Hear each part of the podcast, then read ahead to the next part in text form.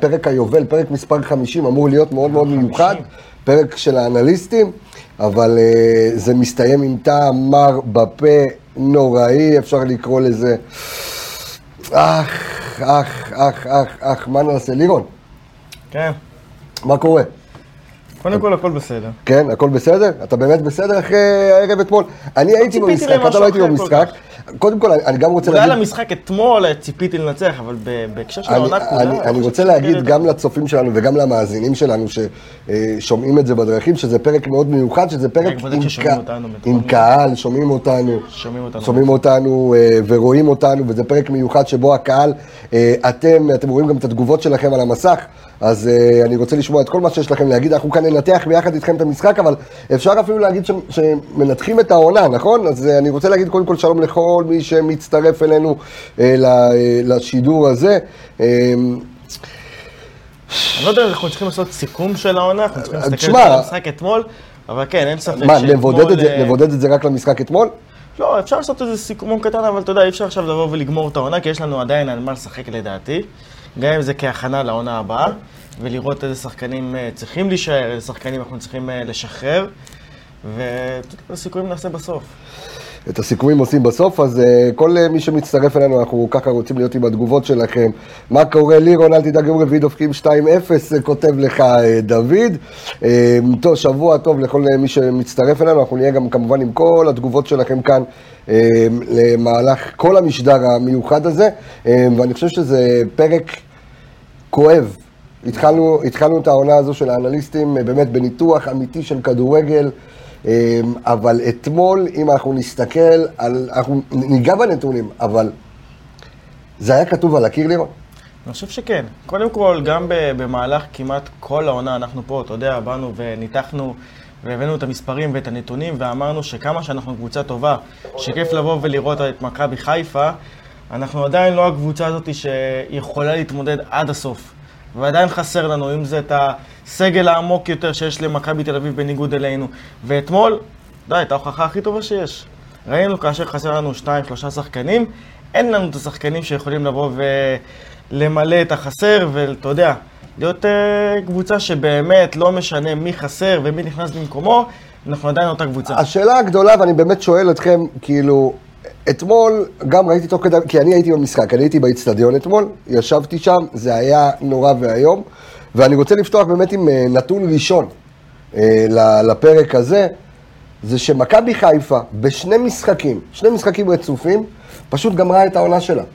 המשחק לפני הפועל תל אביב היה נגד הפועל באר שבע בגביע. שני המשחקים היו ללא קהל, העונה נגמרה, המשחק השני נגד, עכשיו, בוא, בוא, אם נסתכל... תראה, אבל, אבל כל משחק בפלייאוף הזה, שלא היינו מנצחים את מכבי תל אביב, העונה הייתה נגמרת. כל משחק, אם תסתכל, אז לא ניצחת, ברור. היית מנצח אתמול, היית מנצח אפילו, לא יודע, היית עושה תיקו, מנצח את הרגע. ברור לחלוטין. משחק אחר מפסיד, עוד פעם אתה חוזר אותה נקודה. ברור לחלוטין, אבל אתה יודע מה, אני, אני רק רוצה להגיד שאלו שתי קבוצות, שתי הקבוצות האחרונות ששיחקנו מולם, שזה הפועל תל אביב והפועל באר שבע, אלו שתי קבוצות שבסיבוב האחרון פירקנו אותן. הפועל תל אביב קיבלה חמישייה, הפועל באר שבע קיבלה רביעייה. שתי הקבוצות האלה באות אליך במאני טיים של המאני טיים. המאני טיים של המאני טיים, אחד, זה רבע גמר גביע המדינה, שבו אתה יודע שאתה אה, בעצם כביכול, על אף מרחק שש הנקודות שהיה לפני המשחק הזה מול מכבי תל אביב, אתה יכול גם לקחת גביע ולעשות עונה בטעם טוב, ואתה טוב יותר משאר הקבוצות שהיו ב, אה, ב, בסיבובים הללו. ואתה מפסיד. והנה משחק לאחר מכן, בלי קהל, שוב, אתה מגיע נגד הפועל תל אביב, שפירקת אותה חמישייה בבית, אתה מגיע אליה שוב, ואתמול עם ילדים, עושים פשוט בית ספר למכבי חיפה. עושים פשוט בית ספר. הייתי באיצטדיון, וזה היה פשוט נורא ואיום אה, לראות את הדבר הזה. אה, עד כמה באמת, אני חושב שאני רואה את התגובות מי שלכם. מי שאתה יודע, אם אני מתייחס אה, למכבי חיפה היום, ככה, אתה יודע, אנחנו ראינו את מה הולך להיות בינואר. ומי שאתה יודע, בחודש ינואר בא וניסה, אתה יודע, אני לא, לא יודע בדיוק מה היה שם, אבל חסך כמה עשרות אלפי דולרים על שחקן כזה או אחר שהיינו צריכים אותו, ובדיוק ראינו את זה אתמול, אין לו מה לבוא ולבכות היום. אני, א', א', אני, א', אני מסכים עם הקביעה שלך, אני מאוד מסכים עם הקביעה שלך, ואני חושב ש... העומק משחק פה תפקיד. הנה אתמול, ואנחנו אנחנו משתתפים בצערו של איתן טיבי על אה, מות אביו, אה, שלא שיחק אתמול במכבי תל אביב, והבלם בעצם, הבלם שלהם במהלך כל העונה, ו- ולא הרגשת חיסרון. יש להם עומק כזה מטורף, שהם באים, עושים את העבודה, היו צריכים לנצח אתמול 4, 3, 4, 5, 0. יש להם הרכב שני, שאם הוא משחק בהרכב הראשון, אתה לא שם לב אפילו. זה ההבדל. ודיברנו על זה לאורך כל העונה, שהעניין זה שאתמול העומק. משחק מתן חוזז, אתה לא שם לב אם הוא שחקן הרכב ראשון, שחקן הרכב שני. שאתה שם לב שצ'יקו בכלל לא משחק ושכטר משחק, אז אתה לא שם לב בכלל להבדלים האלו. זה, זה ההבדל בין מכבי חיפה למכבי תל אביב. אתה זוכר, באחת התוכניות באתי ואמרתי לך פה, כל ההבדל בין מכבי חיפה למכבי תל אביב, זה השחקנים אצלהם שלא משחקים. זה נתתי לך את הרשימה שזה שחר פיבן בתור בלם, ואמרתי לך שזה מאור קנדיל מגן, ויש להם את דוד זאדה, ויש להם את שירן ייני, יש להם אין ספור שחקנים שהם לא בהרכב, שבמכבי חיפה הם שחקן הרכב ראשון. וזה ההבדל בין מכבי חיפה למכבי תל אביב, שאתה תבוא ותוציא משם שחקנים, אתה לא תרגיש אתה יודע, את החיסרון. דור מיכה לא משחק, שחקן העונה שנה שעברה, פתאום יוצא שהוא לא משחק, הוא לא פותח, אתה לא שם לב בכלל לדברים האלה. אצלנו תוציא שחקן כמו נטע, זה אין מכבי חיפה. מכבי נטע חיפה. זאת אומרת, כל מה שבלבול הרכיב במהלך כל העונה, על הראש של נטע, זאת אומרת, אם נטע לא שיחק אתמול, אז מכבי חיפה לא מנצחת? כן. אתה יכול לנצח בזה הבלחה פה ושם נגד קבוצות פחות טובות ממך בהרבה. אם זה, אתה יודע, במשחקים, אתה יודע, נגד רעננה, או נס ציונה, או סוג המשחקים האלו, אבל כשאתה תגיע למאני טיים בסוף, לפלייאוף העליון, ששם אנחנו צריכים לבוא ולקחת את הנקודות, ואנחנו צריכים לנצח קבוצות שהן פחות או יותר, אני לא אומר שהפועל אביב קבוצה גדולה, אבל פחות או יותר בסדר גודל מועדון, כמו של מכבי חיפה, קצת פחות אולי, שם אנחנו ניפול. כי קבוצה כמו הפועל תל אביב, בניגוד למכבי חיפה, היא באה בלי לחץ. הפועל תל אביב עשתה את שלה. הגיעו לפלייאוף העליון, עשו את שלהם, אין להם על מה הם אין משחקים. להם באמת על מה לשחק. הם משחקים בשביל לבנות את אבל ה- ראית אותם את הקבוצה. אתמול, ראית אותם אתמול. דרך אגב, אני הייתי באיצטדיון, והבנתי שבטלוויזיה, מי שראה את המשחק אתמול, שמע את זה עם סאונד. של היה רעש קהל. של קהל קצת, נכון. אוקיי, אז אנחנו באיצטדיון, היה רעש של קהל עד שריקת הפתיחה, ברגע שריקת הפתיחה היה שקט מוחלט. זאת אומרת, אנחנו שמענו את השחקנים. אני יכול להגיד לך ששמעת רק קבוצה אחת על המגרש. רק קבוצה אחת על המגרש אתה שמעת. שמעת את הפועל תל אביב, מהשוער שלהם, דרך דגני, בוז, צורכים אחד לשני, מכבי חיפה כביכול שיחקו בשקט. משהו באנרגיות, משהו, ב... אני לא יודע איך להסביר את זה, אבל... אני אה, אשאל אותך שאלה, כן. מי- יצעק? רמי גרשון משחק עונה שלמה? סלליך שמשחק לא בעמדה שלו? רז מאיר שחזר מפציעה עונה שלמה? מי יצעק? ארז אלוני כותב לך כאן משהו מאוד, אה, מאוד נכון. הוא, הוא רושם לך, לירון יקירי, אתמול זה לא הייתה שאלה של סגל לנצח את הפועל תל אביב, אתמול צריך לנצח עם כל סגל. לא מסכים. נקודה. לא מסכים. הסיפור הוא הצבא האומללה של שחקנים לא בעמדות שלהם, ותכף אנחנו ניגע אתה בסלליך. משחק, אתה משחק, אתה יודע משהו? אתה משחק עם רמי גרשון שלא שיחק שנה שלמה, ואתה משחק עם רז מאיר שלא שיחק עונה שלמה, אתה משחק עם סלליך, אתה יודע שכמעט כל העונה היה פצוע, ואתה יודע שהוא חזר בלי ביטחון, בלי כלום, אתה משחק עם עופרי ארד שזה לא העמדה שלו בכלל, אז אתה מצפה לנצח? מה זה משנה סגל? מכבי, כדורגל זה לא על הנייר. אתה יודע, ארז מבין מאוד כדורגל ואנחנו מכירים אותו, אתה יודע, אחד האנשים שהכי מבינים כדורגל שיש. ויש הרבה דברים שאני מסכים איתו, בזה אני פחות מסכים איתו. כי לא עם כל סגל אתה יכול לנצח את הפועל תל אביב. הפועל תל אביב אתמול עלו עם הרכב הרבה יותר מאוזן ממך. אם זה שחקנים בעמדה שלהם, אם זה שחסר להם מגן שמאלי, אז הם העלו ילד בן 17-18 אנחנו מהנוער. אנחנו מיד נציג את הנתונים על המסך, אה, ואתם גם כמובן מי שמאזין לנו בספוטיפיי, באפל פודקאסט, בגוגל פודקאסט, בכל המקומות הללו, ישמע אותנו מדברים על הנתונים, אבל אתם אה, תזכו לראות על המסך תכף את הנתונים של המנהלת במשחק אתמול, ואנחנו נראה עד כמה מכבי חיפה לא הייתה פקטור. אתמול. כן, בבקשה. אתמול, ראית את המגן השמאלי של הפועל תל אביב? כן, מי פותח? הוא או רמי גרשון במכבי חיפה? ודאי שהוא. הוא. אוקיי. אני אלך איתך, אמשיך איתך. סלליך באמצע, או בואטנק שלהם באמצע, מי פותח? אה, עוד פעם? סלליך נו. באמצע, בלי ביטחון. כן. או הקשר שלהם בואטנג, שזה התפקיד הטבעי שלו. מי אבל פותח? שוב, אבל שוב, אז כמובן אבל. אבל- אז אז בוא נזרוק עשר חלוצים, ונגיד, יש לנו שחקנית, אתה יודע, את החלק ההתקפי הכי טוב בליגה, ונצפה שאלוהים ייתן להם כדור. מי ייתן להם כדור? תשמע, אני חושב שאתמול... איך מקסים לא משחק? שחקן היחיד שבעמדה שלו, שהוא שחקן טבעי, שהוא קשר באמצע, שהבאת אותו 400-500 אלף יורו, שאתה משחק בלי אשכנזי ובלי נטע, ואתה לא יודע איך אפילו שרי יחזור אחרי התקופה הזאת. שחקן שזה התפקיד הטבעי שלו, היחיד אתמול בתפקיד הטבעי שלו, לא פותח בהרכב. איך יכול להיות דבר כזה? אז למה הבאת אותו? מה, סנטי יותר טוב ממנו בעמדה הזאת? עוד פעם, אני חושב שהאשמה המרכזית של בלבול הייתה בהצבת השחקנים. עכשיו אני רוצה ביחד איתכם שאתם תוכלו לראות את זה על המסך. אה, עוד פעם, ואני רואה זה גם בהצבה את וגם כולם. באיכות השחקנים לפעמים. כי רמי גרשון שלא משחק עונה שלמה, זה לא משנה אם הוא לקח אליפויות בבלגיה, לא לקח אליפויות בבלגיה. סלליך, אתה יודע שהוא בלי ביטחון בשיט וכל העונה היה פצוע אחרי קרע ברצועות. אתה יודע שרז מאיר היה פצוע כל העונה. חפשי, שלא ראית אותו רוב העונה משחק. אז מה, מה, למה מצפים? וויל זכות, אתה יודע שעד שנכנס לכושר, לקח לו 15 מחזורים. אז פתאום החזרת אותו אחורה, ואתה מצפה שהוא יחזור, יהיה אותו דבר, אחרי שהוא לא ישחק עכשיו חודשיים. אין מה לעשות. אז שוב, ואתה מביא מהפועל תל שחקנים, אתה יודע, שחקני נוער, שחקנים עם מוטיבציה, שחקנים בלי חשש, עם ביטחון, שחקנים שאין להם מה להפסיד. מה זה משנה להפועל תל אביב אתמול הפסד או ניצחון? אותו דבר אז הם עלו, אתה יודע, בלי לחץ, בלי ציפיות, עלו לשחק, עלו ליהנות. אתה עוד חושב, שאתה אומר, אוקיי, הפועל תל אביב לא אוהבת את מכבי תל אביב, ובעצם אנשים באים לשחק כדורגל.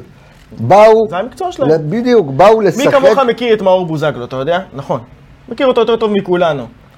אתה, נכון מאוד. אתה יודע שמאור בוזגלו, אתה יודע, אולי הוא לא בשיא שלו, ואולי הוא כבר, אתה יודע, הרבה אחרי השיא שלו, גם מבחינת יכולת, אבל אתה יודע שהוא מקצוען.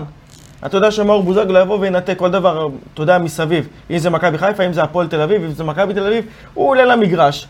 בתור שחקן שמקבל משכורת, בתור קפטן הפועל, אכפת לו עכשיו, אתה יודע, אם מכבי תל אביב גם ככה ב-6-4, לא 6-4, זה מה שמשנה לו? הוא בא לשחק כדורגל, הוא מקצוען. השאלה הגדולה, ואנחנו רואים את התגובות על המסך, תם הטקס לירון? נגמר?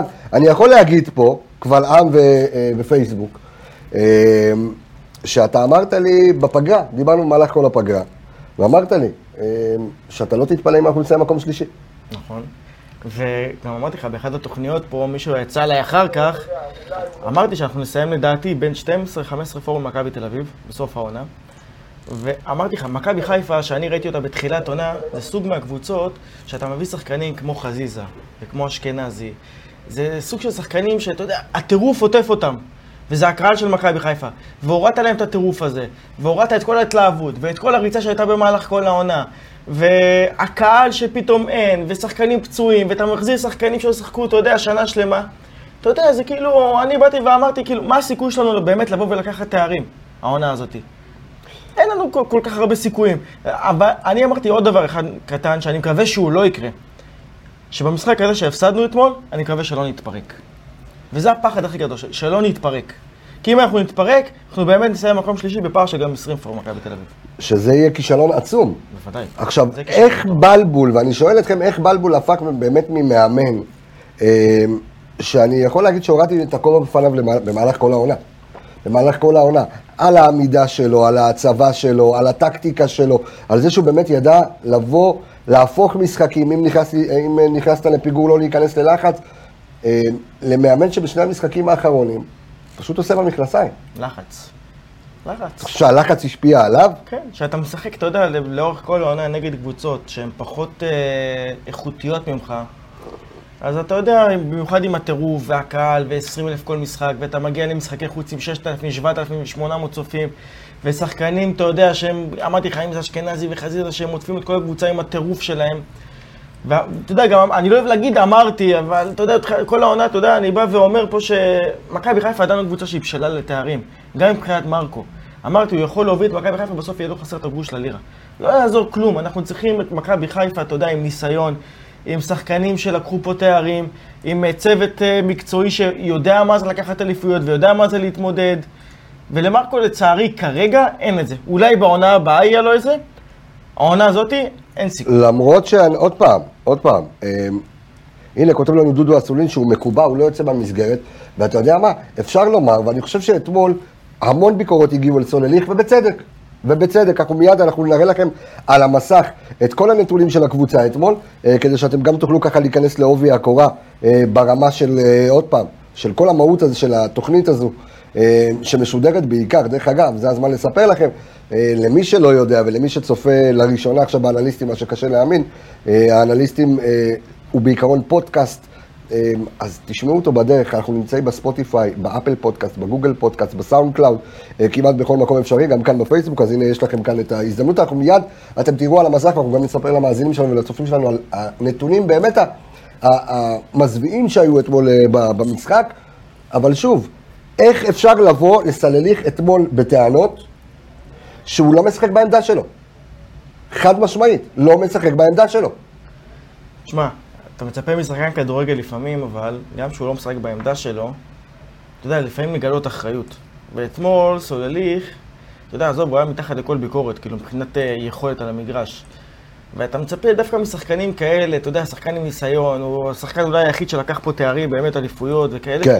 שידע להגיע דווקא ב- בימים האלה, בזמנים האלה, ודווקא כשהוא רואה שיש לקבוצה סוג של איזה חיסרון כלשהו, גם אם זה בעמדה מסוימת, לבוא ולקחת על עצמו יותר.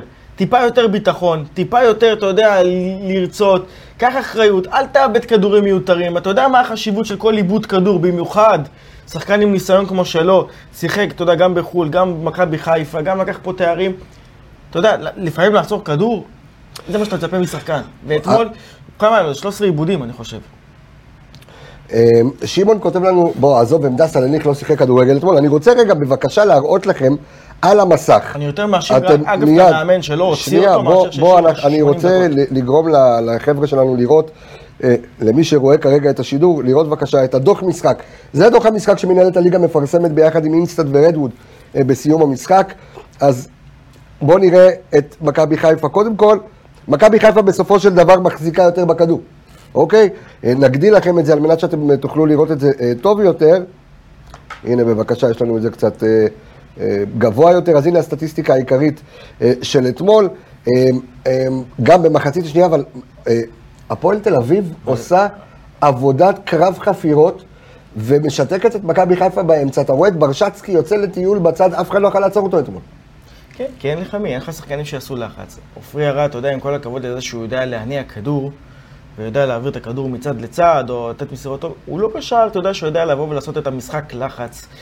והוא לא יודע להיות השחקן הזה, אתה יודע, שנדבק לשחקנים, אם זה ל- לבואטנק שהוא, לא יודע מה, 30 מטר מהשער שלו, לבוא וללחוץ אותו, אתה יודע, כמו שנטע במשחק הראשון, אתה זוכר שחטף שם את הכדור הזה רודריגז ונתן את הגול דקה שנייה, שלישית?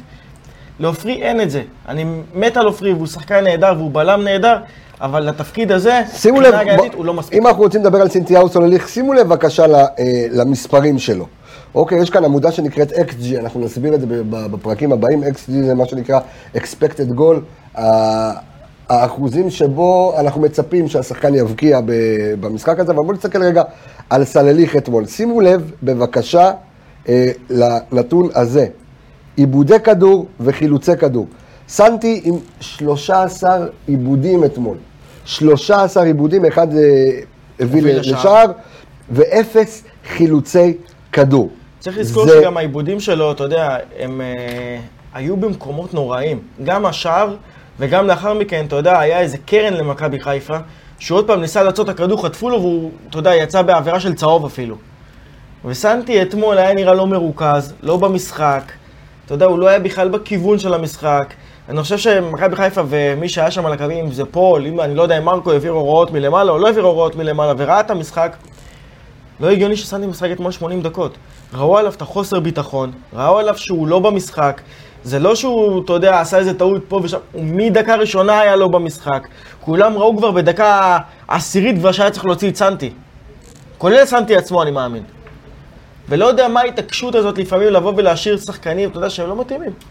לא מספיק טובים. יגאל כותב לנו שהבעיה היא לא הצבה של שחקנים ולא סגל, אלא בשלות מנטלית. שום שחקן לא זכה באליפות השנה, אה, שום שחקן לא התמודד על האליפות, זאת הפעם הראשונה שלהם, ואנחנו חושבים שיש כאן בעיה מנטלית. אתה כמאמן מנטלי יכול להגיד שזה חלק מהעניין, כי אנחנו פשוט אומרים את זה כל שנה. קודם כל כן. אבל, עוד כל פעם, כן, עד כמה זה פרמטר מצליח, כי אבל אני תראה, חושב... זה, זה, זה משהו גורר משהו, כי זה גם וגם וגם וגם וגם. אתה לא יכול לבוא עכשיו להשאיר רק את הפן המנטלי, ולא לה- להודות באמת שגם היה לך שחקנים שחסרים, היה לך שחקנים שחזרו מפציעות של עונה שלמה, היה לך ניהול לקוי בינואר שלא הבאת שחקנים שהיית צריך לבוא ולהביא אותם, אם זה הרכב ביזיוני אתמול, אם זה מערך הזוי שאתה עולה עם ארבע בלמים אתמול. אה, אתה מבין? אז כל ההתנהלות זה, זה גם וגם וגם. אבל כן, אם הוא מתייחס רגע לעניין המנטלי, כמובן שאתמול בעיה מנטלית. לאורך כל העונה הזאת אני אומר שיש בעיה מנטלית. תמיד מכבי חיפה, כל העונה הזאת, שהגיעה למאני טיים, שהגענו לשעה שאנחנו צריכים לקחת את הנקודות אחרי שמכבי תל אביב איבדה נקודות, לא לקחנו אותן. לא, לא לקחנו אותם. השאלה אם אפשר היה לראות את זה במשחקי האימון, כי המון אנשים דיברו על משחקי האימון שהיו לקויים. ו- תגיד, נגד מי עשינו משחקי אימון? נוף הגליל ואום אל-פחם. שזה לא, זה בושה בפני עצמה. כן, אתה חושב? אתה עושה משחקי אימון, אתה רוצה לעשות הכנה לליגה, אתה רוצה להחזיר שחקנים לקצב, אחרי שלא שיחקו חודשיים, אז אתה עושה להם משחק אימון נגד נוף הגליל, נגד אום אל-פחם, ויש לי שאלה לך, יש לך שחקן, אני יודע, אני ראיתי את המשחק אחר כך נגד אה, אום אל-פחם. עזוב שאתה עושה תיקו נגד אום אל-פחם, אתה יודע, פה בקצב ששיחקנו, כן. אתה נותן לשחקנים לשחק שהם לא בתוכניות אפילו, אתה יודע, אני מסתכל, אז רואל, סוף, שחקנים שכאילו... הם גם ככה לא יראו דקות. תשמע, חנן אז למה להחזיר אותם? למה מקסימום דנינו- עסק 90 דקות באותו משחק? חנן אומר לנו כאן משהו מעניין. איך כמגן שמאלי, בתפקיד של מגן שמאלי אתמול, שיחקו שלושה שחקנים שונים, שמי שזה באמת העמדה הטבעית שלו, שזה אוטין, וראינו ממנו קצת כדורגל, רק בסוף נכנס. זאת אומרת, היו לך אתמול, בחוקים החדשים, בחוקי הקורונה החדשים, היה לך אתמול את כל האופציות לעשות חילופים מנצחים. היה לך לעשות חמישה לא- חילופים. כמה הוא לא מאמין בו. זה מראה לך כמה הוא לא מאמין בו. הוא הביא שחקן, אתה יודע, זה כמו פוקס. לא, אבל- אבל אני זה כמו פוקס שהוא הביא לפה. שחקן שהוא לא באמת מאמין בו, ואם היה לו את האפשרות לבוא ולשחרר את אוטין בינואר, גם היה משחרר אותו. אני אומר, אבל אני לא מדבר דווקא על, על אוטין, או אני מדבר אתמול על, יש לך, אתה כבר בדקה 15, כולל שאתה רואה, אגב. שאתה רואה שבדקה 15-16, אה, סנטי כבר עם חמישה עיבודי כדור. אתה רואה שמשהו שם לא הולך. רז מאיר שיחק אתמול ווינגר ימין, שזה העמדה הטבעית של סלליך, שהיה עדיף כבר לשים את סנטי, שעם הדריבל שלו ישחק שמה וגם יאבד פחות כדורים, אוקיי? שים אותו בצד ימין, אתה כבר בדקה 15 כבר רואה.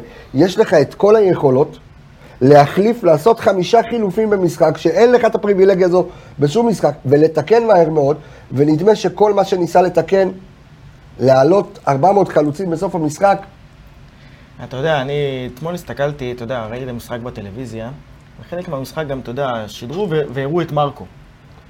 עכשיו, אתה יודע... אוקיי. אה, הראו אותו בטלוויזיה. כן, הראו- אותו. אוקיי. עכשיו, אתה יודע, אם אתה מסתכל על כל קבוצה באירופה, שאתה תראה מאמנים שמורחקים, אתה תראה אותם תמיד מטר, שתיים לידם, יש איזה עוזר, אתה יודע, עם טלפון, מעביר הוראות למטה. אתמול אתה רואה את מרקו יושב לבד ביציאה, בלי קשר לאף אחד.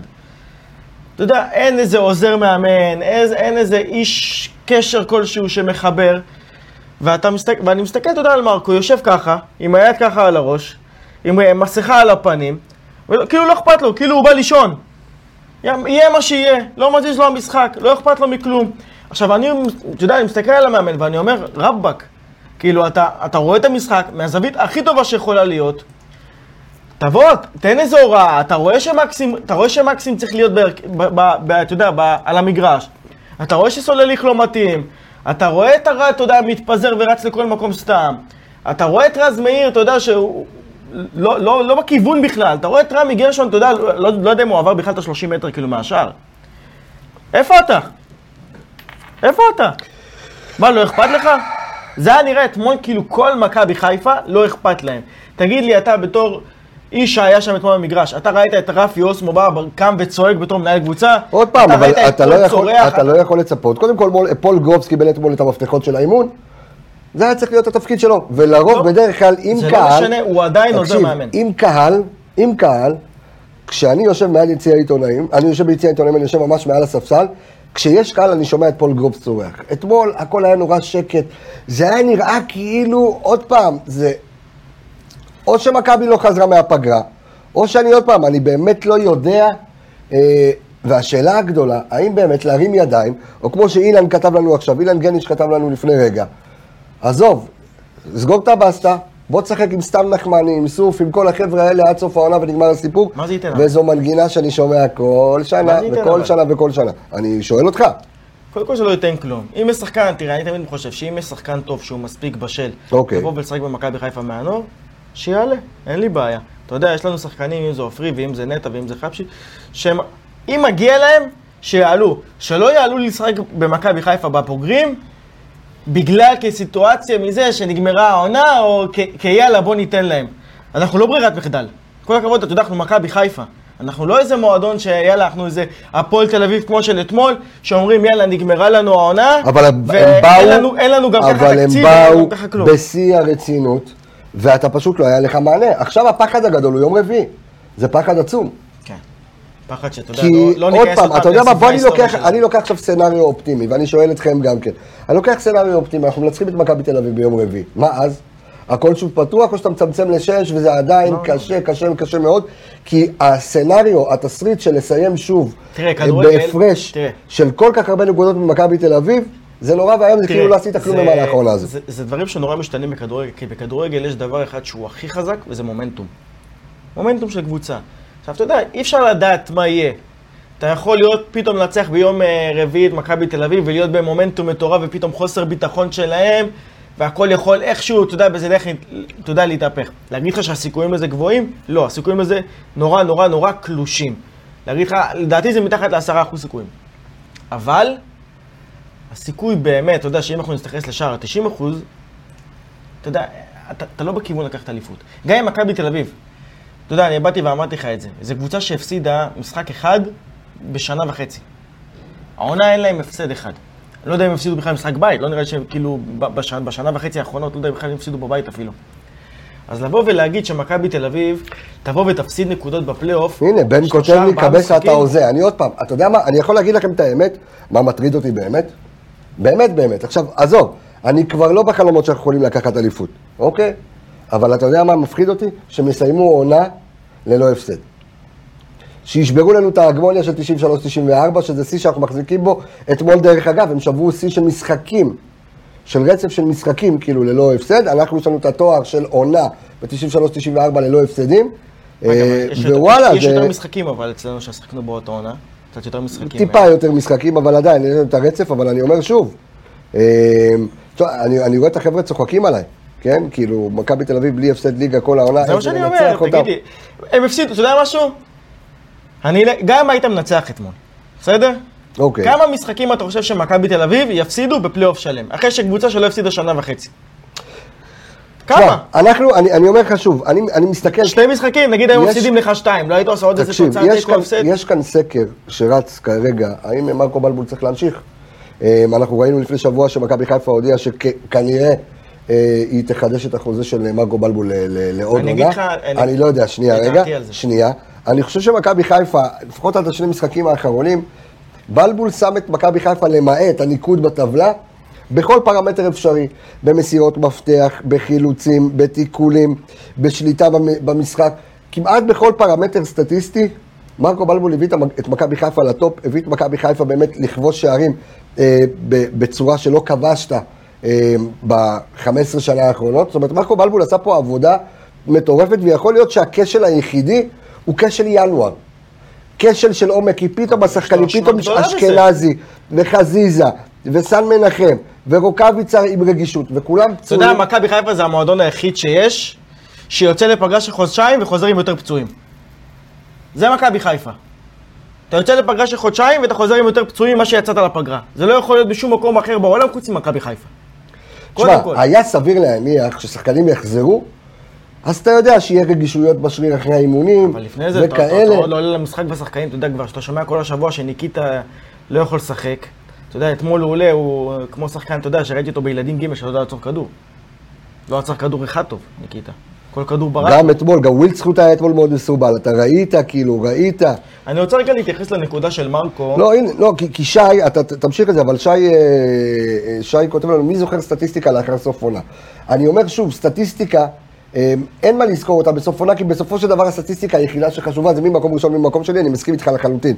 זה שאנחנו כאנליסטים נוגעים לא בכל אני- הסטטיסטיקה אני לא מסכים איתו, כדי. כי- כי יש סטטיסטיקה שאתה מביא ובונה קבוצה לעונה הבאה, אתה בונה אותה על בסיס הקבוצה של העונה הנוכחית. ואם אתה תבוא ותראה שיש לך שחקנים שמתאימים לעונה הבאה, ואתה תראה מה הסטטיסטיקה והנתונים שלהם, אתה תדע להביא שחקנים מתאימים אליהם. ברור. שחקנים שמשלימים אותם. וזה ברור. הסטטיסטיקה כ- שאנחנו צריכים לבוא ולהסתכל עליה. כדי לחזק. כי אם אנחנו ניקח את נטע למשל, וניקח את הסטטיסטיקה של נטע, שהוא שחקן נהדר אגב השנה, אוקיי. אין מה להגיד, אבל נראה, לפי הסטטיסטיקה, מה היו החולשות של נטע במהלך העונה הזאת, אנחנו נדע להביא שחקן ליד נטע שישלים אותו. כותב זה לך, הסטטיסטיקה דרך אגב, כותב. לך יגאל, שהוא בסך הכל יש שני פצועים, אחד מהם גם נפצע במשחק האחרון בגביע, כל השאר מי שלא היה אתמול היה מורחק, אם זה סן מנחם, אם זה... אה, חזיזה שהיו צריכים לעשות לו ניתוח לפני שלושה חודשים, וחיכו עם זה חודשיים, זה לא טמטום? ענה לך. ענה לך. לפני שלושה חודשים הוא היה צריך לעשות ניתוח. רוקאביצה כל השבוע... כן, אבל לא- אשכנזי, לא- לא- אשכנזי בקושי וחזיזה התאמן. נפצעו לפני הפגרה. אה, אבל חזיזה, אבל חזיזה, אבל חזיזה, ממתי אנחנו יודעים על הפציעה שלו? כבר מלפני שלושה. ארבעה חודשים. עכשיו, כולנו, כן, עוד כולנו פעם, לא רופאים, שנייה, נכון, ואנחנו יודעים אבל שהוא צריך לעבור ניתוח. לא ידעת שתהיה קורונה. לא היה לך מושג וחצי מושג שתהיה קורונה. אני אתן לך, אני אתן לך את ה... בקיצור, למה חזרנו. מהפגרה הזאת לא, אני אתן לך את העניין שלי לחזיזה. אתה לא יכול לבוא ולקחת את חזיזה, שהוא גם לפני הקורונה היה נכנס לך לרבע שעה 20 דקות. למה? כי כואב לו, כי הוא לא יכול, שהוא לא מת, מתאמן סדיר, שאומרים לך שחזיזה בספק להיות בסגל, אתה יודע, למשחק הקרוב, ואתה אומר, רבאק, אתה שכואב לו. אתה יודע שהפציעה שיש לו, זה לא פציעה שעוברת. בקע זה לא פציעה שעוברת, בקע זה פציעה שאנחנו לא רופאים ולא מתחילים, ואנחנו יודעים שזו פציעה שצריך לבוא ולנתח אותה. אין שום שחקן בעולם שנעלם לו הבקע. גם יאניב קטן, ראינו אותו עם בקע, נראה כמו, לא יודע, אני לא רוצה, אתה יודע, היה את יותר עצמו. עם הגב. גם עם הגב וגם עם הבקע. אבל אם זה גולסה, ואם זה אצילי, ואם זה רמי גרשון, כל שחקן שיש יש לו בקע, בסופו של דבר צריך לבוא ולעבור ניתוח. עכשיו, הבקע שהתגלה לחזיזה, התגלה לו הרבה לפני הפלייאוף.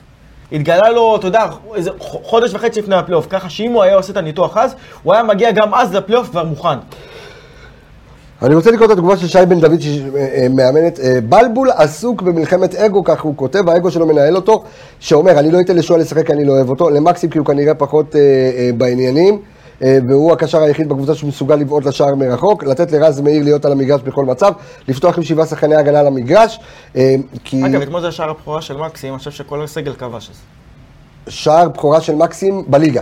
כן, אז אני חושב באירופה שכל הסגל נגד. שטרסבורג הוא לא, הבקיע? אני מדבר על הליגה, אז דיברנו. שכל הסגל כבש. אה, נכון. נכון, נכון. אני חושב שהיה חסר לנו אז רק את מקסים. אז הנה עוד נתון אה, מעניין, אני לא יודע אם חסר לו, גם מוטין וכאלה, אבל, אה, אבל בסדר, אבל אתמול אה, שער הבכורה של מקסים, אז מברוק על השער שדרך אגב נתן בי איזושהי תקווה, שאתה יודע, אתה יכול לעשות את השתיים-שתיים, קבוצה שהשנה למעלה, שהקבוצה השנה 11, אה, אה, אה, אם- 11 פעמים הבקיעה שני שערים פחות. אם אה, היינו עם קהל, אולי דקות. לעשות את זה. ברור. היה הקה- חסר לנו את הבליץ הזה של הקהל, את אז- הלחץ, את הטירוף. אז נכון, אז זה מצחיק, כי בשאר העונות, שהקהל היה זה שהיה הגורם המשתק של מכבי חיפה, השנה הוא דווקא הגורם המחזק של אגב, מכבי יש חיפה. לנו ו- תוצאות על מרקו, יש משהו שאני רוצה להגיד בנושא של אז מרקו. כן, אז אה, ש- ש- העלינו שאלה לאוויר, מרקו בלבול צריך להמשיך, האם אה, בוודאי עשה עד כה עונה טובה אה, או לא, אז 86 אחוז. יש לי שאלה אליהם, אתה אה, יודע, לא. בהמשך לסקר הזה.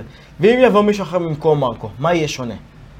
עכשיו אני אגיד, אני אתן לך את ההסבר שלי לשאלה הזאת. אוקיי, אז, אז, אז אתה אומר להשאיר את מרקו? אני אגיד לך מה, אין לי בעיה שמרקו יוחלף, לא יוחלף, זה, זה לא עניין, ואני אסביר למה.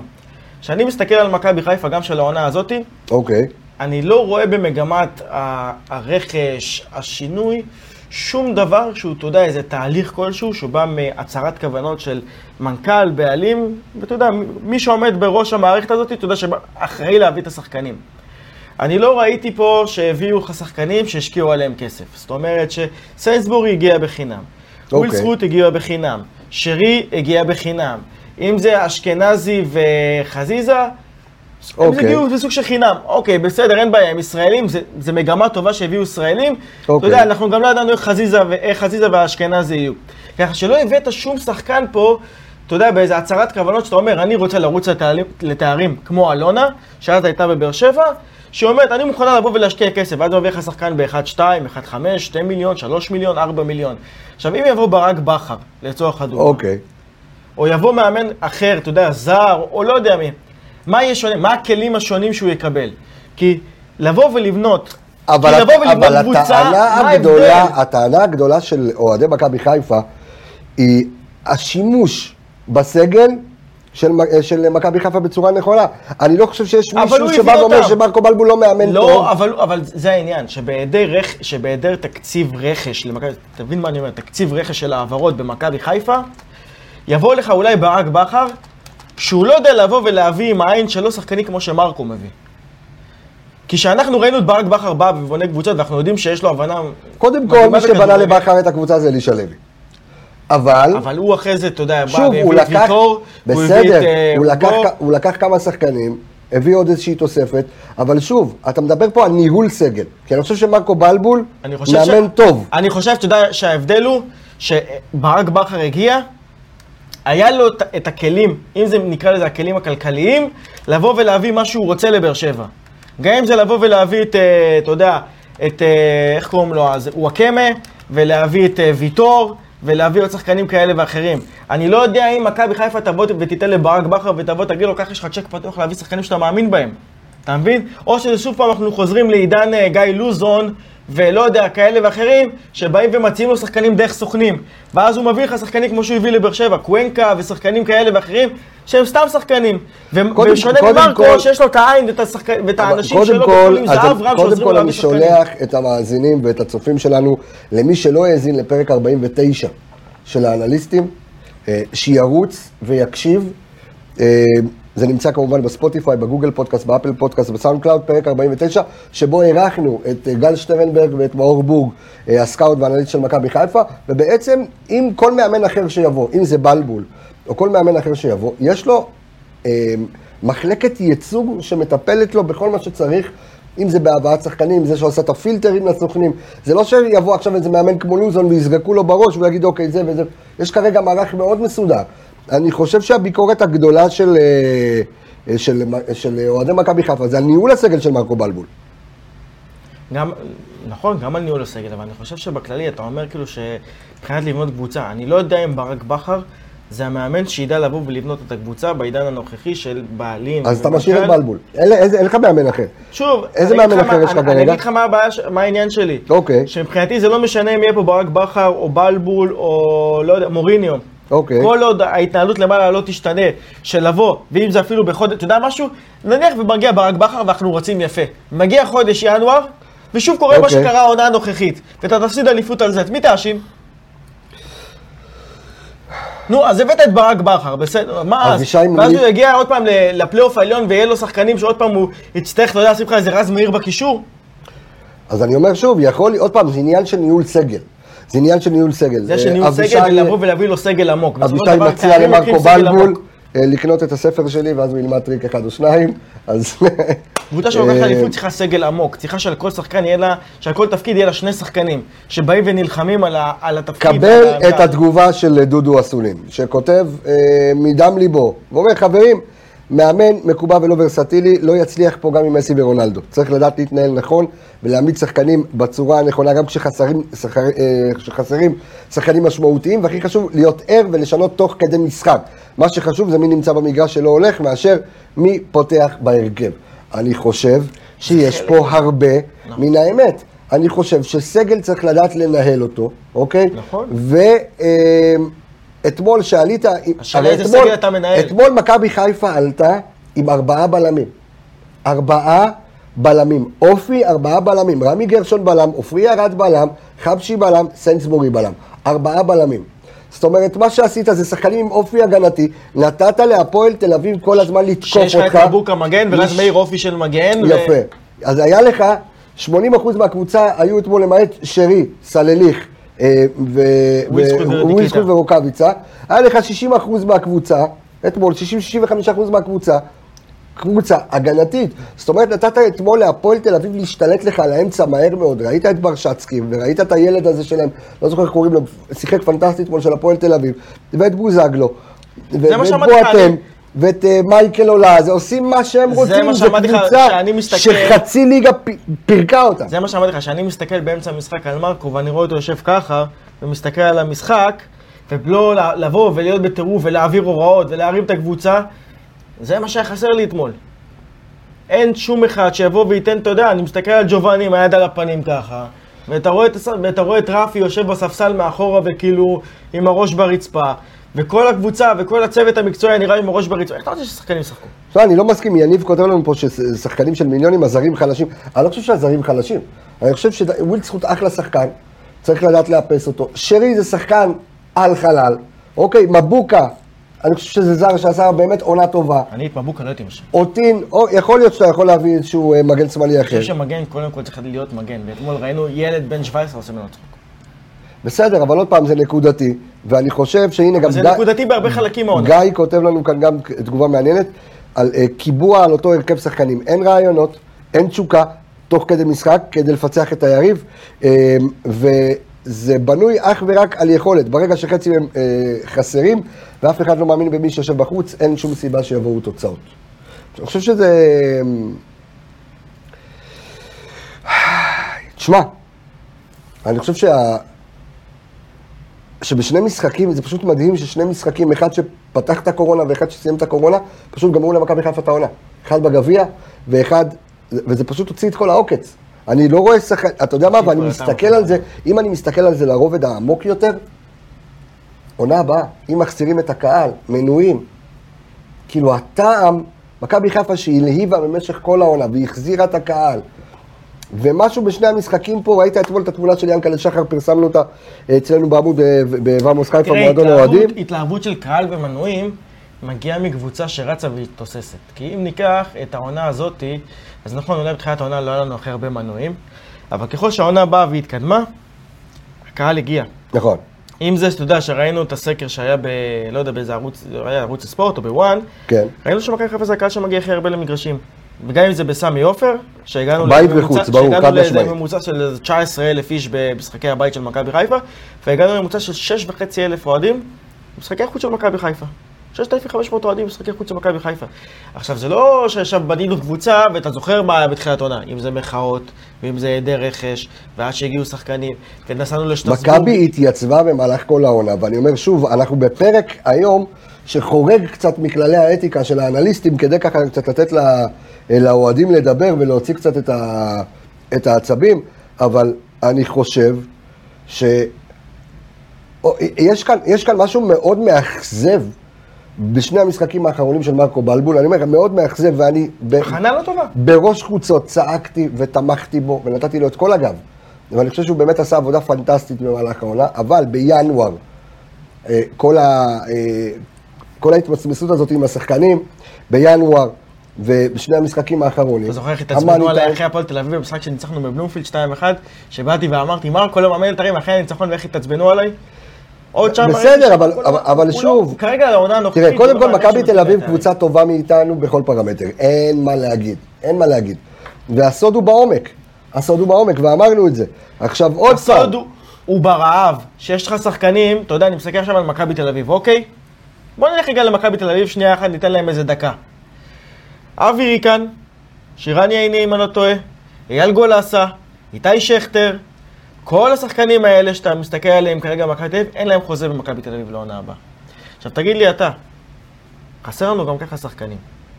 למה לא לבוא ולנסות? אתה יודע שעכשיו יש את העניין של הקורונה. מה, לחטוף אותם? אתה לא יכול לדעת למה? מה קורה.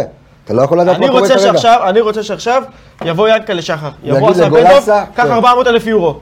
תביא את גולסה. בוא, קודם כל המספרים אחרים עכשיו, אני חושב ש... אז בגלל זה אני אומר, דווקא בגלל שהמספרים אחרים, תבוא ואתה תיתן- אתה טיפה כרגע- יותר ותדע לקחת אותם. ברמת ה scouting כרגע יש הזדמנות פז, הזדמנות אדירה לקחת אה, באמת שחקנים הם בלי. חוזה. נכון, אה, בסדר, אבל מי- למה שהם למה שהם לא יישארו במכבי תל אביב אם יציעו להם חוזה? כי אני לא אם יודע... אתה תציע אני- יותר, אתה אני- צריך להציע יותר. נכון, זה- אבל זה אני יש רוצה- הטירוף שאני בא ומדבר איתך, זה הרעב הזה. אני רוצה אה, קודם כל לה- להקריא עוד תגובה אם של... זה היה הפוך, עוד תגובה של גיא, שנייה, עוד. תגובה של גיא, שבאמת כותב כאן דברים, אתה יודע, שהם כיף, אה, כיף לקרוא אותם, ואני אוהב את המעורבות הזו. הייתה הזדמנות חד פעמית לקחת תואר, אבל מנגד היה נראה כל העונה שיש איזושהי תקרת זכוכית, שמרקו בלבול, אה, לצערנו לא מצליח לפרוץ אותה. והיה כאן משהו, זה כמו שאמרת בתחילת, ה- בתחילת הפרק. במשחק, במאני טיים של המאני טיים, מכבי חיפה לא לקחו את הנקודות. ועל אף שחשבתי, ו- ועל אף שחשבתי ש- אה, שמכבי חיפה עשתה את השדרוג, כי מכבי חיפה השנה הראתה אופי שלא הראית בשמונה שנים האחרונות. היית מקבל בראש, היית מפסיד לכפר סבא, היית מפסיד לכל מיני כאלה בתחילת העונה. כי אנחנו קבוצה צעירה, שבאה עם טירוף של קהל, שבאה עם קהל ענק, ואתה יודע, ועדיין יש לך שחקנים עם איכויות, אז אתה מנצח, אז אתה נותן את הבליץ של הטירוף הזה, של החמש דקות, של העשר דקות במשחק. כמה פעמים באנו בתחילת העונה ובאנו ואמרנו, איפה מכבי חיפה של מחצית ראשונה ואיפה מכבי חיפה של מחצית שנייה? זה קבוצה שמתבססת על טירוף. ואם הטירוף הזה מגיעה היכולת שלפעמים היא יותר טובה, לפעמים פחות טובה. כרגע שאתה בלי קהל, אין לך את הטירוף הזה, אין לך את הלחץ הזה, אין לך את, ה... את. את מי שדוחף אותך, אין לך את ההכנה הזאת שאתה בא ואומר, וואלה, ביום שבת הולך להיות 20 אלף איש במגרש. בסדר, אבל עוד פעם, אני חושב שכל הקבוצות התרגלו לאיזושהי סיטואציה מסוימת. ומכבי תל אביב, כמו מכונה משומנת, מגיעה אתמול ואומרת, אין בעיה. צריך לעשות את העבודה, עושים, נקודה. ומכבי חיפה עלתה אתמול, ועוד פעם, אנחנו אנליסטים, אבל אני מדבר מנטלית. וגם התרענו בראש חוצות לפני כן, שהסגל הקצר הזה הוא סגל בעייתי. זה סגל שפתאום אתה נכנס לישורת האחרונה של העונה, שכל אלה שעשו לך את העונה עם זה... תשמע, אני לא יודע מה היה, חסר, אבל אתמול הכי חסר לי, היה לי חסר על המגרש, אשכנזי. אשכנזי זה היה השחקן שהכי חסר לי אתמול, הדינמו על הדשא, זה הבן אדם שאולי לא היה, מור... לא היה הכי הרבה מוערך אצל אוהדי מכבי חיפה, הבן אדם שמגיע כמה עם שישה שבעה שערים העונה, ו... ודינמו ברחבה, היה חסר אתמול, ואתה מגיע לתקופה שבה שופכים לך לאגר, רוב השחקנים, ואין לך עומק, אין לך איך לנצל את זה. ואני חושב שזה... אה, אני חושב שזה משהו שמגיע כאילו... אני חושב שאם אנחנו מסתכלים על התגובה של יגאל, כן, שהוא מדבר, אתה יודע, על... על הבשלות המנטלית, אוקיי. זה עניין של לבוא ולהביא שחקנים דווקא כמו גולסה. למה? כי זה שחקנים שלקחו תארים, זה שחקנים שיודעים מה זה בשלות. זה לבוא ולקחת את החבר'ה הצעירים האלה שיש היום, ולתת להם את האקסטרה ניסיון הזה של שחקנים שהם לא מבוגרים כל כך, אבל בשלים ויודעים לבוא ולהגיע למאני טיים ולנצח את המשחקים האלה. זה השחקנים שעדיין חסר לך.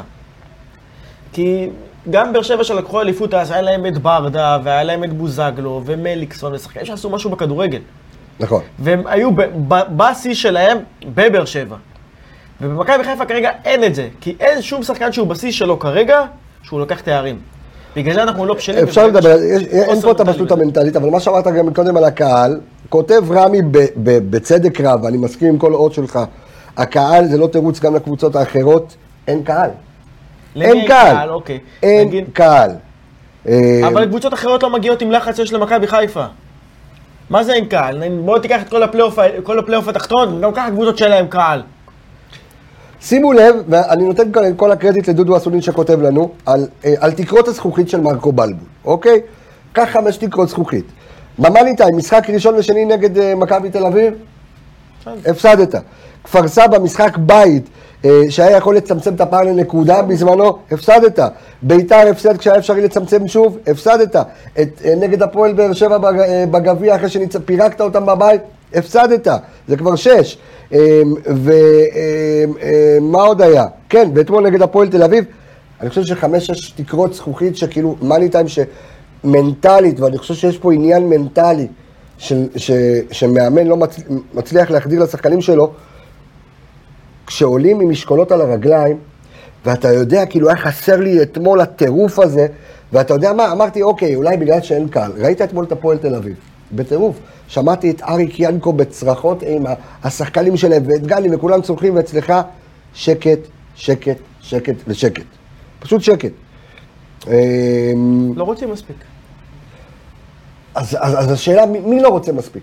השחקנים לא רעבים מספיק. אתה רואה את מכבי תל אביב שכבר לקחו אליפות, אמורה להיות קבוצה יותר, יותר שבעה ממך. אני- אני אסביר לך משהו, שאני מסתכל לפעמים... אז או שיש לך פה מאמן ענק כמו איביץ' שמשאיר להם את הרעב כל אתה יודע הזמן. משהו? אני מסתכל לפעמים על כתבות, אתה יודע שיש את באתרים השונים, ואני ראיתי כתבה כן. שאבי ריקן, אם אני לא טועה, בא והבריד לו ספורט חמש, אני חושב, שהוא בא ואמר, אנחנו באים עכשיו לפלייאוף הזה, באים לקחת אליפות. הם מדליקים את עצמם, אתה מבין? הם מעצבנים את עצמם בשביל להדליק את עצמם, לבוא בטירוף לפלייאוף הזה. ובמכבי חיפה... מישהו היה צריך להראות לשחקני מכבי חיפה בתקופת הקורונה את הסדרה על ג'ורדן, הריקוד האחרון, שיבין מה זה מחויבות לנצח ומה זה מנטליות. ובמכבי חיפה אתה לא שומע כלום, אתה לא רואה כלום, זה כל דבר שקט, שקט, שקט, שקט, שקט, בואו לא נבוא, נבוא קטנים, נבוא קטנים, ואז אתה גם נהיה קטן, בסופו של דבר, כי אתה הופך להיות קטן. אתה לא... אתה- אתה... חיפה לפעמים צריכה לבוא ולצאת, בדברים האלה, טיפה לבוא ולצאת בהצהרות בשביל מחויבות אישית שלה. שאתה אומר, אני חייב, אני באתי והצהרתי על אליפות, אני לא יכול לבוא עכשיו, אתה יודע, ולהוריד את עצמי ולבייש את עצמי אחרי שאני הצהרתי דבר כזה, אני אבוא כמו, לא יודע מה. כשאתה בא ללקוח ואתה אומר לו, אני ואני ואני ואני ואני, ובסוף אתה מגיע, אתה תנסה להיות אני ואני ואני ואני. אבל אין לך את היכולת. ובמכבי חיפה זה כאילו, לא, אנחנו לא, אנחנו, בוא, בוא נשאר פה קטנים, בוא נשאר, אה, אתה יודע, אתה יודע, נחבר הכלים כזה, בוא נהיה בשקט. שלא נגיד יותר מדי, שלא יצחקו עלינו אחרי זה בתקשורת. עוד אה, סקר, עוד סקר שהיה כאן, שעלה כאן במהלך הפרק, אז שאלנו האם נגמרה העונה. אה, אז רשם, אה, 83 אחוזים טוענים שנגמרה העונה לחלוטין. אה, זה כואב הלב. אה, כותב לנו, הנה דור וייס, האנליסט שלנו, שנמצא בעבודה, כותב לנו, היה אפשר להפיק הרבה יותר מההרכב אתמול, אבל צריך לעצור את כדור השלג הזה, כי יש עוד פלייאוף שלם לפנינו. השאלה, האם כל האוויר יצא כרגע, כי זה מרחק של תשע. פחד ושוב, גדול מאוד מהתפרקות. איך? פחד גדול מאוד מהתפרקות. אני מקווה שזה לא יקרה. ותשמע, אני אמרתי לך בתחילת השידור, מבחינתי לא נגמר, כי עדיין יש לך על מה לשחק ושזה הכנה לעונה הבאה. יש הבדל בין שאתה תסיים עונה. השאלה אם מכבי חיפה תחזיר את הכבוד של האבוד, ואנחנו נייצר כאן אה, עוד אה, פרק של אנליסטים השבוע אה, לקראת מכבי תל אביב, ככה לנתח באמת את הסיכויים, כי כרגע זה נראה חושך מצרים, אבל איזשהו כבוד. אתה יודע מה, יש לך פלייאוף שלם לפניך, יש לך עוד תשעה משחקים, אתה צריך להחזיר את הכבוד גם, אוקיי? עזוב שתאורטית הכל פתוח, אבל צריך להחזיר את הכבוד בניצחון על מכבי תל אביב. כותב, אה, כותב גם אה, ארץ לנו על תקרות הזכוכית, אפשר להסתכל גם הפוך. עד היום אחרי כל הפסד, כולל מול מכבי תל אביב, ידענו להתאושש יפה, וזה גם מנטלי, שזה גם נכון, זה הצד השני, שמרקו בלבול כן הצליח לתת איזשהו אופי, כי אחרי כל פעם שהפסדת, עלית עם ניצחון חזרה, למעט עכשיו, זה נגד לא- הפועל באר שבע, לא- הפסדת לא שוב אותי. להפועל תל אביב. זה לא מה שמעודד אותי, האמת. איך? זה לא מעודד אותי, זה שניצחנו משחק אחרי וכאלה. שוב, אני חושב אז ש... לא הפסדנו שתיים ברצף. איך? אז לא הפסדנו שני משחקים ברצף. לא, לא משנה, אבל זה גם מראה לך על איזשהו שינוי מנטלי, מה שלא היה כאן. בעונות האחרונות, אבל יכול להיות שזה לא מספיק. או שמראה לך גם לפעמים הליגה נורא חלשה. שאתה בא, אתה יודע, אתה, אתה מפסיד משחק, וגם אם אתה. נכנס לאיזה מומנטום שלילי, אתה עדיין מנצח. כי יש לך קבוצות חלשות נגדך. שאלה, יכול להיות שזה לא אה, מספיק. אה, רוני כותב לנו שמי שלא עולה ברביעי כדי להילחם ולשבור רגליים ולתת 200 אחוז, שלא יעלה לאוטובוס. שוב, אני חושב שזה נורא מפחיד, המשחק אה, ביום רביעי, אבל אני חושב שזה גם ההזדמנות האחרונה של מכבי חיפה להחזיר את הכבוד שאבד לה בשני המשחקים האחרונים, בו היא מצד אחד פירקה את הקבוצות בליגה, מצד שני הפסידה לשתי הקבוצות האלה, אחד בגביע ואחד גם- בליגה בפתיחת הפלייאוף. גם מכבי תל אביב באו בטירוף, משחק פה והם לוקחים אליפות. מנצחים אותך ביום זה, לוקחים אליפות. לא. אם... אה, כן, כן, אם מכבי תל אביב אה, מנצחת אותנו, אז אה, הם יכולים כאילו. להכריז סופית, כן. השאלה אם אפשר להאט. את זה.